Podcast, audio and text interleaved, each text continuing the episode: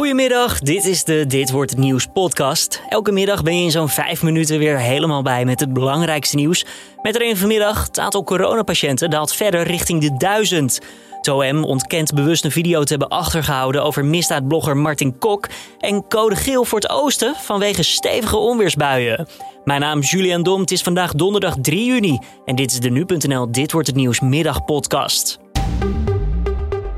De komende dagen daalt het aantal coronapatiënten die in het ziekenhuis liggen richting de duizend. Dat zou voor het eerst zijn sinds 6 oktober. Sinds vorige maand zijn er meer dan 1500 bedden vrijgekomen. En ook op de IC daalt het aantal patiënten flink.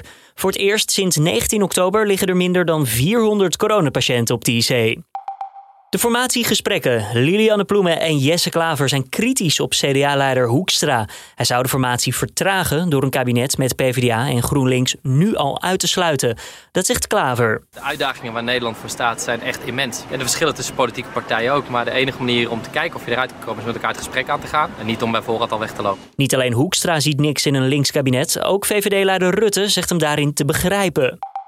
Het OM ontkent bewust een video te hebben achtergehouden waarop misdaadblogger Martin Kok te zien is. De beelden werden gevonden op de telefoon van de kroongetuige in het Marengo-proces.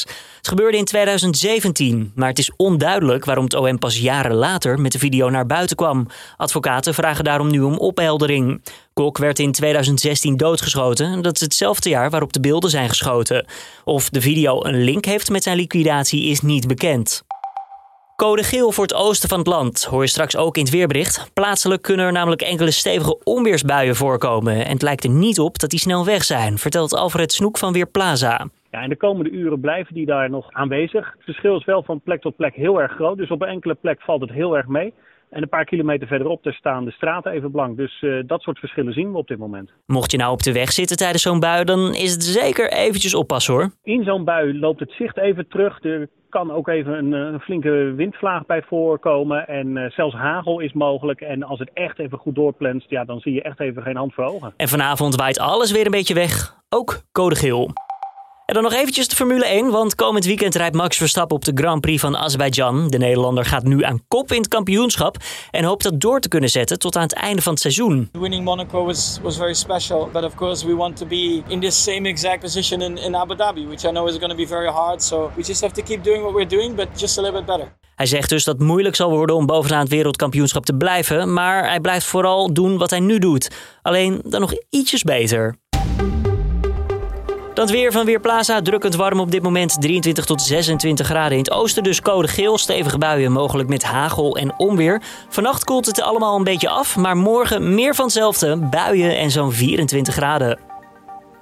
Ja, om even terug te komen op het Songfestival is natuurlijk al een tijd geleden. Maar heb jij nou een sms'je die avond verstuurd vanwege de finale en jij dacht van ik wil dat dit land wint? Dan heb je misschien een sms'je verstuurd wat nooit is aangekomen. En daarvoor krijg je nu je geld terug van T-Mobile. Honderden mensen kregen na die finale namelijk zo'n sms dat hun stem niet was meegeteld omdat deze te laat binnen zou zijn gekomen, terwijl ze wel op tijd hadden gestemd. Nou, T-Mobile zegt problemen te hebben gehad en dat wordt dus nu opgelost door de kosten terug te boeken. En dit was hem dan weer, de Dit Wordt Het Nieuws middagpodcast van deze donderdagmiddag 3 juni. Tips of feedback zijn zoals altijd welkom. Kan je sturen naar podcast.nu.nl. Mijn naam is Julian Dom, ik wens je een fijne donderdagavond. Morgenochtend is collega Corné van der Brinken weer om 6 uur ochtends met het nieuws van Dan op nu.nl.